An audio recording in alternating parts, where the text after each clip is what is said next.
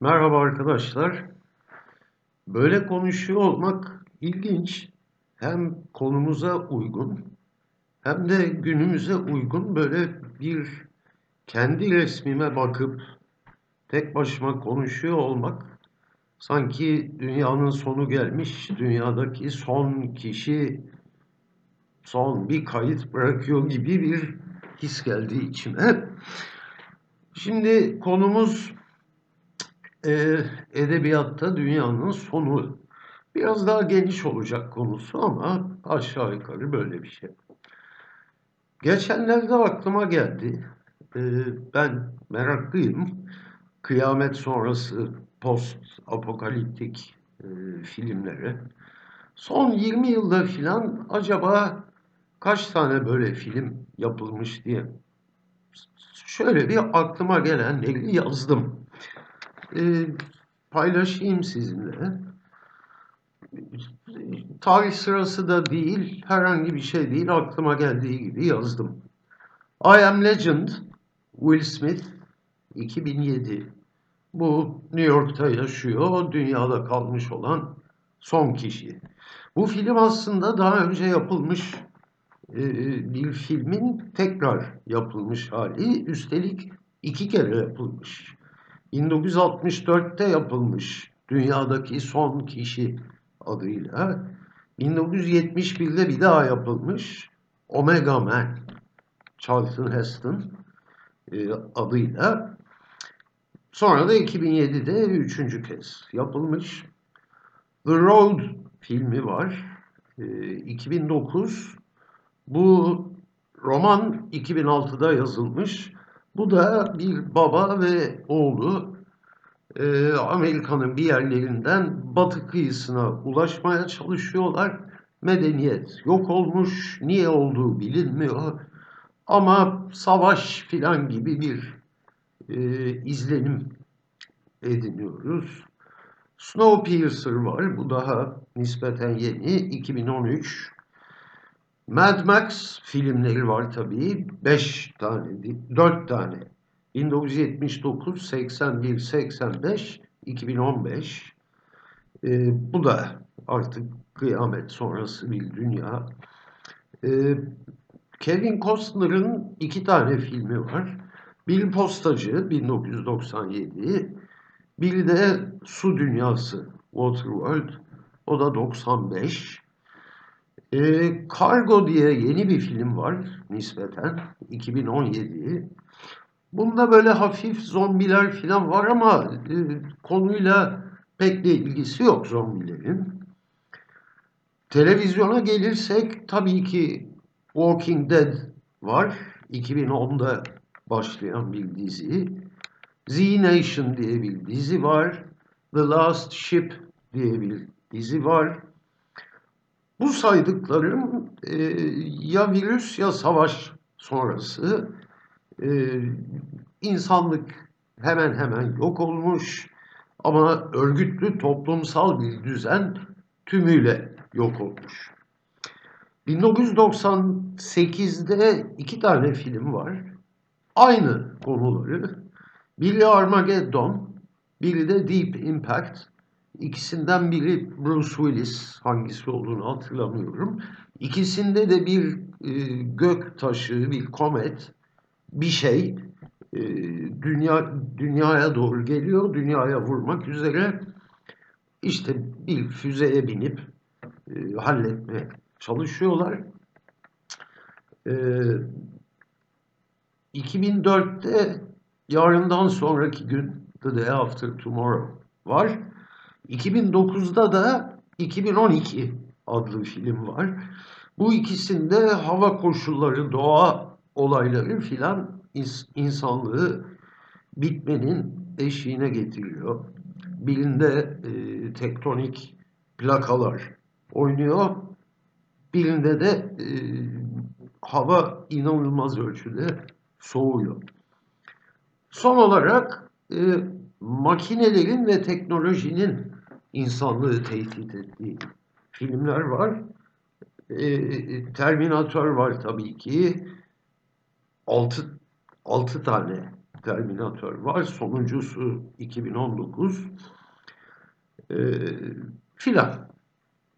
Şimdi arkadaşlar e, dünyanın veya insanlığın sonu, insanlığın varlığını tehdit eden e, büyük engellenmesi neredeyse imkansız olan olaylar e, bildiğimiz kadarıyla yazılı insanlık tarihinde çok eskiden beri var.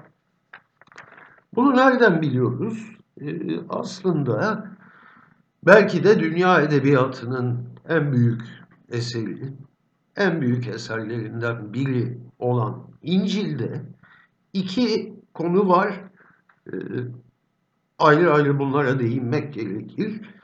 Birincisi e, mahşerin dört atlısı, kıyametin dört atlısı. E, bu dört atlı biri savaş, biri kıtlık, biri salgın, biri ölüm. Sigaramı düşürdüm. E, İncil'de böyle bir şey var. Kıyamet geliyor, gelmek üzere ve bu dört atlı ortaya çıkıyor. Tabii ki e, birçok dinde, birçok tarikatta e, böyle bir beklenti var. Dünyanın sonu gelecek, Mesih ortaya çıkacak filan. Böyle bir şey demek ki insanlığın bilincinde hep var. E, İncil'deki ikinci vurgulamak istediğim şey sel. Yani Nuh'un gemisi filan efsanesi. Bu İncil'de var ama ilginçtir Sümerler'de de var ve Sümer, Sümerler'deki efsane İncil'dekinin birebir aynısı. Belli ki oradan alınmış. Zaten bütün bu tür efsaneler e, sadece bir yerde olmuyor. Sel e, anlatısı e, Orta Doğu ve civar bölgelerin hepsinin kültüründe var. E, bunun bir ihtimal e, İstanbul Boğazı'nın daha önce kapalıyken açıldığı zaman e, Akdeniz'in, Ege'nin sularının daha öncesinde küçük bir göl olan Karadeniz'e akıp e, Karadeniz'i birkaç kat büyütmesi ve dolayısıyla Karadeniz çevresinde yaşayan insanların e, suların altında kalıp boğulması, koca koca yerleşimlerin ortadan kalkmasından kaynaklandığı düşünülüyor. Bunun tarihinin de milattan önce 5600 6000 filan o civarda olduğu zannediliyor. Niye Boğaz meselesini vurguluyorum? Çünkü bütün bu e, korkular, dünyanın sonu beklentileri, insanlığın sonu beklentileri insanlığın yaşadığı büyük felaketlerden kaynaklanıyor. Yani durup dururken böyle şeyleri uydurmuyor insanlık. E, ve bu büyük felaketler toplumsal bellekte ciddi bir yer ediniyor. Bir zaman sonra e, efsaneleşiyor, edebiyata geçiyor filan. Böyle bir şey e, hep var insanlık tarihinde ve bunlar dediğim gibi nispeten gerçekçi demeyelim ama e, gerçek maddi bir olaydan kaynaklanıyor. E, nedir bu olaylar? Daha sonrasına gidersek, e, örneğin 19. yüzyılda iki tane çok büyük yanardağ patlaması var. Birini yine sinemadan biliyoruz. Krakatoa, e, Güneydoğu Asya'da bir e, yanardağ 1883. Bunun daha öncesinde 1815'te bir tane daha var. Tambora yanardağı. Bu da 1815'te e, patlıyor. E, bu yanardağlar hemen hemen bütün dünyayı etkiliyorlar. Çünkü çok miktarda e, toz, pislik, kaya filan e, atmosfere çıkıyor. E, örneğin Tambora 1815'te patladığında İngiltere'de bir yıl boyunca e, kış oluyor. Yaz gelmiyor, güneş çıkmıyor ve dolayısıyla tarım mahvoluyor, açlık baş gösteriyor filan. Salgın hastalıklar var. Ee, bu özellikle Avrupa'da belgelenmiş olduğu için biliyoruz. Kuşkusuz dünyanın başka yerlerinde de vardır. Ama e, Avrupalıların kara ölüm dedikleri e, veba salgını 13. yüzyılın en büyüğü 13. yüzyılın ortalarında Avrupa nüfusunun üçte birini öldürüyor.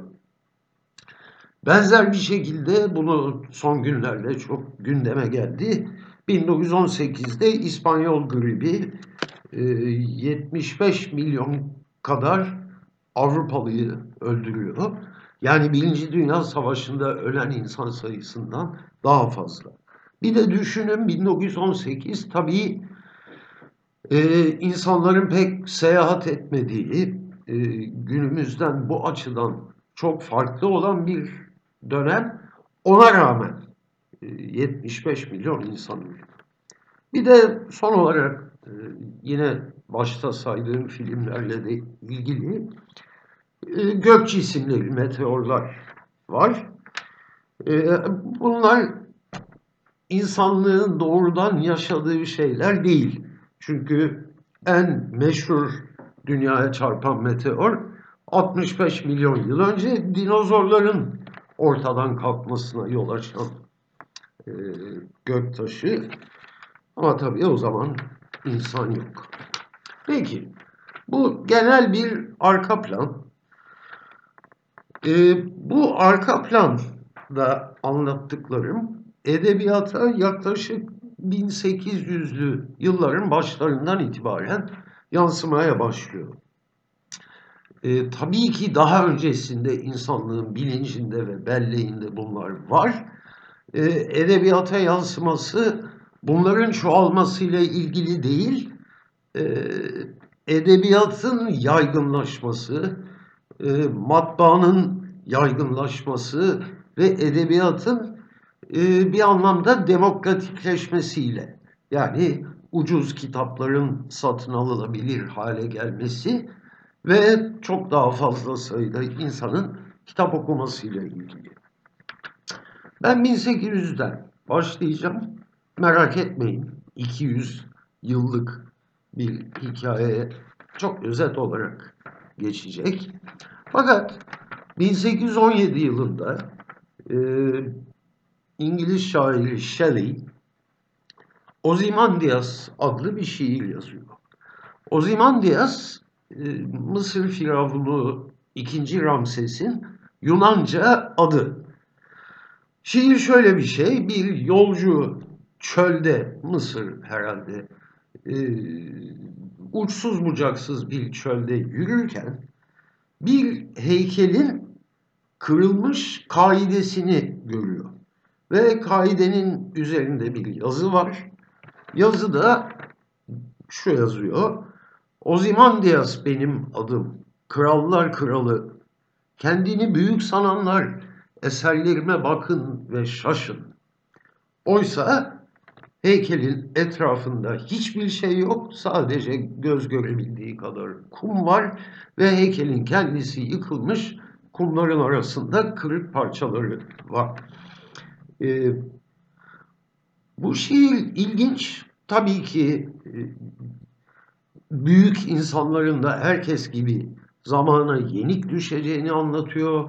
Koca imparatorlukların e, çöküp yok olabileceğini, bunların da sonunun geleceğini anlatıyor. E, fakat ilginç olması şundan, bu düşünce yani medeniyetin yok ola, e, olabileceği, sonunun gelebileceği düşüncesi o dönemde özellikle İngiltere'de çok yaygın. Örneğin bir yıl öncesinde o dönemin e, ikinci büyük İngiliz şairi olan Lord Byron Karanlık adlı bir şiir yazıyor. Çok ayaküstü çevirdim okumak istediğim bölümünü, bütününü değil. Şöyle, Bir düş gördüm. Tam da düş değildi ama.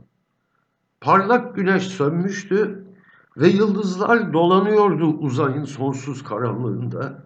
ışıksız ve yörüngesiz. Ve bir buz parçası dünya, kör ve kapkara salınıyordu aysız havada. Bu başı son dörtlükte şöyle, dünya boştu, kalabalık ve güçlü olan artık bir kayadan ibaretti. Mevsimsiz, yeşilsiz, ağaçsız, insansız ve yaşamsız bir ölüm kayası, kaba bir kil karmaşası.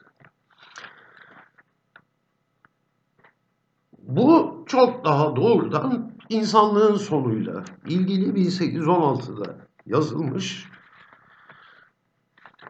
Bunun 10 sene öncesine gidersek 1805'te e, bir Fransız rahip Jean-Baptiste Cousin de Grenville rahip olunca böyle olması gerekiyor insanın isminin bir roman yayınlıyor.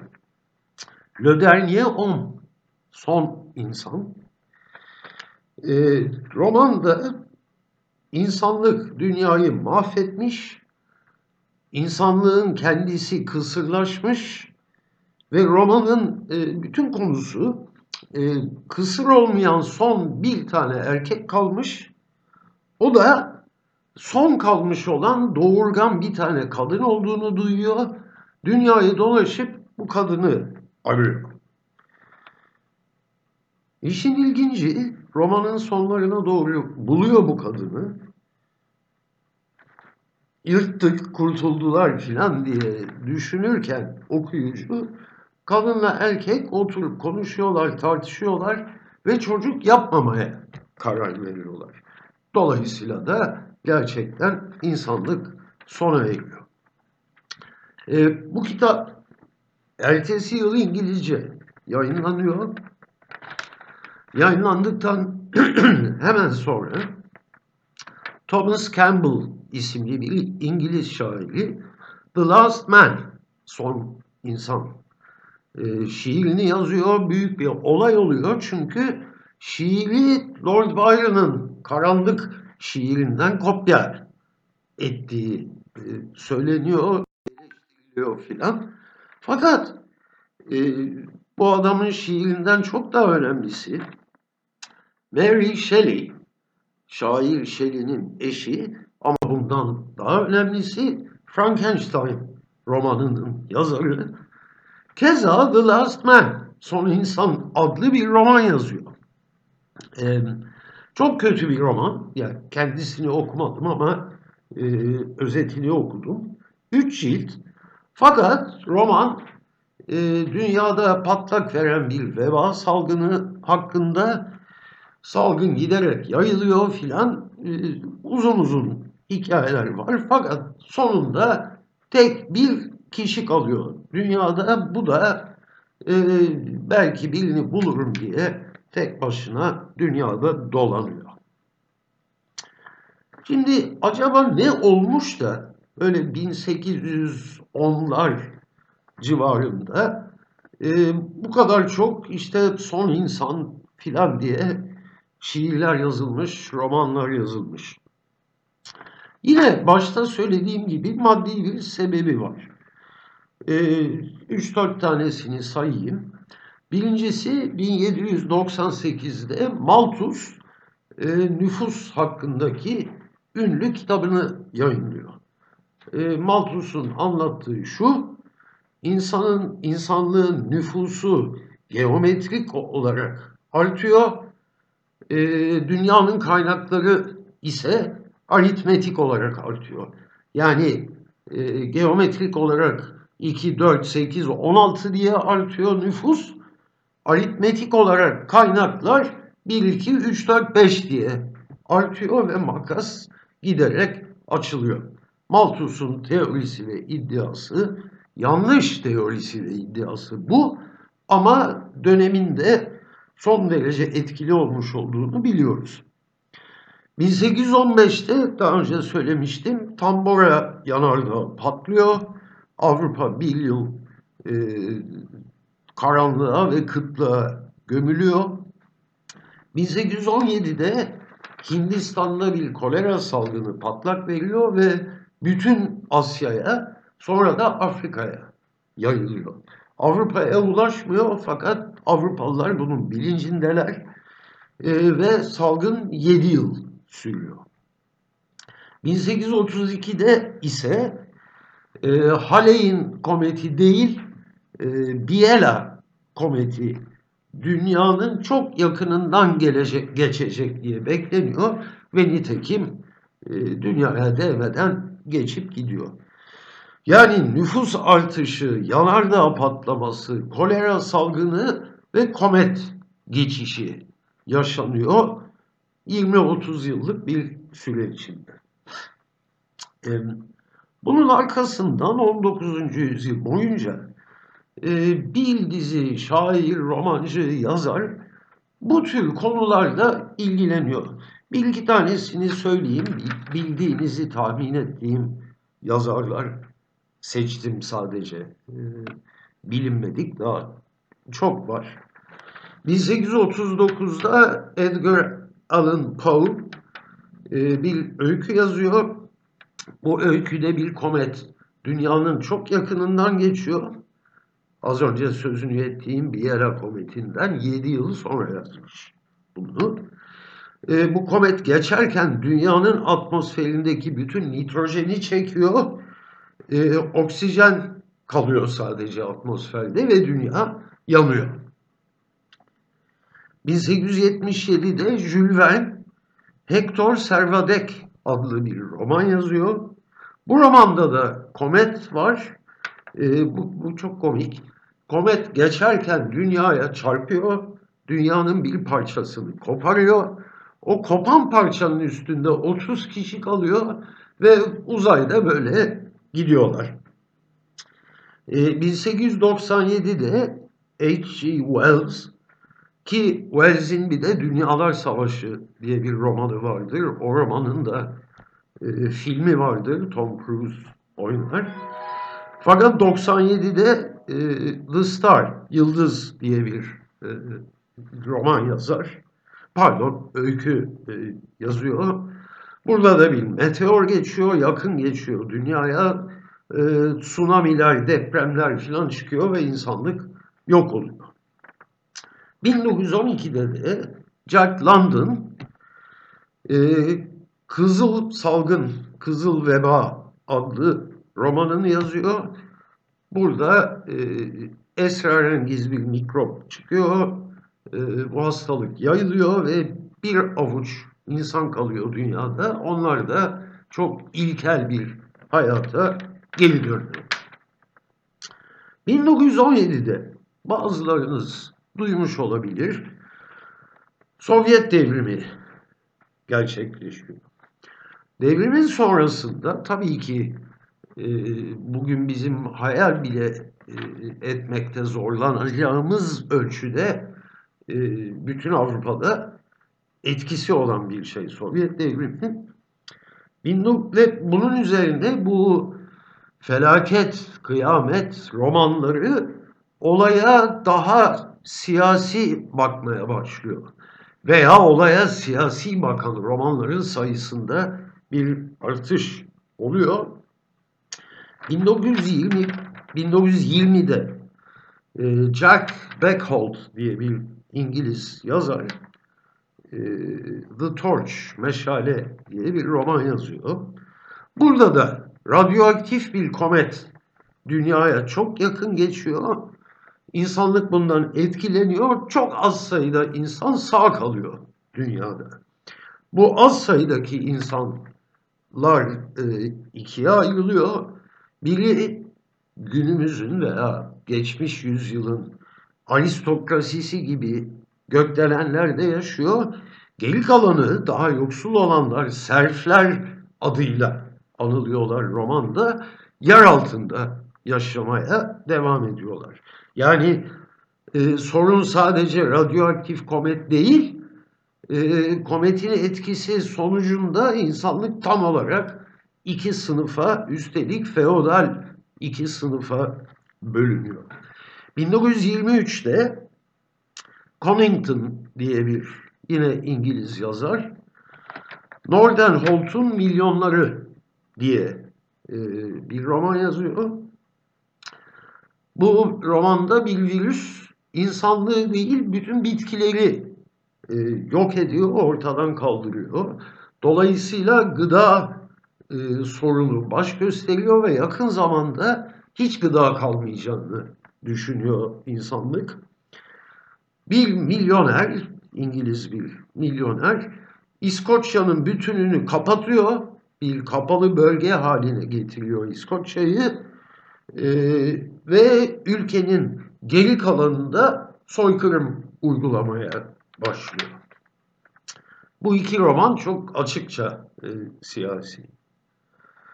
Daha sonra arkadaşlar e, 1940'lardan itibaren e, kometten filan ziyade tabii ki nükleer silah e, bu insanlığın sonu senaryolarında başrole çıkıyor. E, bir roman var ilginçtir 1940'larda yine The Last Man son insan adını taşıyor. Ama burada bir silah var. Nükleer değil ama belli ki ondan esinlenerek e, yazılmış. Bu silah uzaktan bile olsa kullanıldığında e, silahın ışınlarına maruz kalan kişi kalp krizi geçirip ölüyor. Bunun sonrasında da herhalde sayılamayacak kadar çok e, nükleer tehlikeyle, nükleer savaşla ilgili roman var. E, sinemada ise belki de en meşhuru Doctor Strangelove filmi. Komedi olarak yapılmış Kubrick'in bir filmi. E, görmeyeniniz varsa muhakkak izleyin. Şimdi arkadaşlar bitirirken nereden biliyorum bitirmek üzere olduğumu? Çünkü yanımda bir başkan veya moderatör olmamasına rağmen ekranın dibinde 27 dakika olduğunu görüyorum. 3 dakikada bitireceğim. Son olarak size bir e, bilim kurgu hikayesi anlatmak istiyorum. İngiliz bir e, yazarın öyküsü. 1906'da 1905 ve 6'da yayınlan galiba 1905'te yayınlanmış. Olay 1906'da geçiyor. Olay şu. E, yine e, tarım ürünlerinin artık insanlığı doğuramayacağı düşünülüyor. E, doyurmak dedim değil mi? Doğurmak mı dedim yoksa? Yani e, nüfusun beslenemeyecek kadar hızlı arttığı düşünülüyor. Bir İngiliz bilim adamı, bir de Amerikalı bilim adamı e, buna çözüm bulmak için çabalıyorlar. İngiliz bir çözüm buluyor. Şöyle çözüm, havada mevcut olan nitrojeni havadan alıp toprağa verdiği zaman e, tarım ürünlerinin verimi çok hızlı artacak ve yapılan hesaplara göre sorun çözülecek. Buna karşılık Amerikalı bilim insanı bir e, benzer çözüm buluyor ama tam aynısı değil. O da nitrojenle ilgili fakat şunu yapıyor. Havadan nitrojeni alıyor, nitrojeni kullanarak gıda üretiyor. Yani nitrojeni gıda haline getiriyor. Hikayenin e, gidişi şöyle. Amerika'da önce bir takım zengin insanlar Amerikalı bilim insanına bol miktarda para veriyorlar, bir şirket kuruyorlar. E, icadını kullanmak hakkı karşılığında para veriyorlar. İngiliz bilim adamına para veren yok. Amerikalı herif İngiltere'ye geliyor. İngiltere'de Lord bilmem kim çok zengin bir aristokratla konuşuyor. Bu aristokrat Amerika'da kurulmuş olan şirketi satın alıyor. İngiltere'de 20 tane milyarderi bir araya getiriyor. Bunlar bir şirket kuruyorlar ve havadan nitrojen alıp o nitrojenle gıda üretmeye başlıyorlar. Bu o kadar başarılı oluyor ki e, tarım yok oluyor. Kimse uğraşmıyor. Gerek kalmıyor tarıma. Fakat şöyle bir şey oluyor. Havadaki nitrojeni sürekli ve çok miktarda alıyor oldukları için hava oksijenden ibaret kalmaya başlıyor. Önce çok fazla oksijen olduğu için insanlık sürekli gülmeye başlıyor. Yani gülme gazı etkisi yapıyor oksijen. Öyle komik bölümler var öyküde. Fakat tabii oksijen yanıcı bir şey olduğu için bir zaman sonra e, bütün dünya yanıyor. Niye bunu anlattım? Bu öyküyü özellikle seçtim. Şu nedenle. Şu ana kadar sözünü ettiğimiz, konuştuğumuz, edebiyata konu olan tehlikeler şu ana kadar insanlığı bitirmediler. Ne bir virüs, ne bir meteor ve komet, ne bir yanardağ. Sorun orada olmadı. Sorun oradan çıkmadı. İnsanlığı tabii ki belleğinde ve kültüründe çok önemli yerler edindi bu olaylar. Fakat insanlık bunların hepsini e, kayıplar vererek aşmayı becerdi. Fakat bugün öyle mi olacak bilemiyoruz. Çünkü daha önceki dönemlerden farklı olarak bugün bir kapitalist toplumda yaşıyoruz. Yani son anlattığım öyküdeki durum gibi. Ee, virüs çıktığı zaman bu sistem virüsün çıkması tabii ki kapitalizmle ilgili değil, büyük ölçüde değil. Bazı ilişkileri var hayvan pazarlarından filan kaynaklanıyor. Ama asıl sorun orada değil. Asıl sorun şurada. Ee, günümüz dünyasında virüse çare bulmaya harcanan zaman kadar emin olabiliriz ki bundan nasıl karlı çıkabiliriz? Daha önemlisi şirketlerin karının bu virüs yüzünden etkilenmemesini, azalmamasını nasıl sağlayabiliriz? Hem düşünceye hem zaman hem para sağlığa harcandığı kadar bunlara harcanıyor. İkincisi e, virüsün temel sorunlarından bir tanesi dünyanın her yerinde çok insan hasta olduğunda sağlık sistemlerinin sorunla baş edemez hale gelmiş, geliyor olması. O yüzden hastalığı zamana yaymaya çalışıyorlar. Niye baş edemiyor sağlık sistemleri? Çünkü büyük ölçüde geçtiğimiz 30-40 yıllık neoliberal dönem içinde sağlık sistemlerinin önemli bir kısmı özelleştirildi. Yani gerekli harcamalar yapılmadı. Kısacası 30 dakikamı açtım. Kısacası evet insanlık her zaman böylesi sorunlarla karşılaşabilecektir. Ama önemli olan bu sorunlar çıktığında bu sorunlarla baş edebilecek olan toplum yapısına sahip olmak. Bu toplum yapısı kapitalizm değil. Bunlarla kapitalizm baş edemez. Bunlarla ana derdi, temel e, güdüsü kar etmek olan bir toplum baş edemez. Bununla ancak insanların birlikte, kolektif ve kar için değil, insanın çıkarları için, insanın ihtiyaçları için, bunları karşılamak için örgütlenmiş olan bir toplum baş edebilir. Teşekkürler.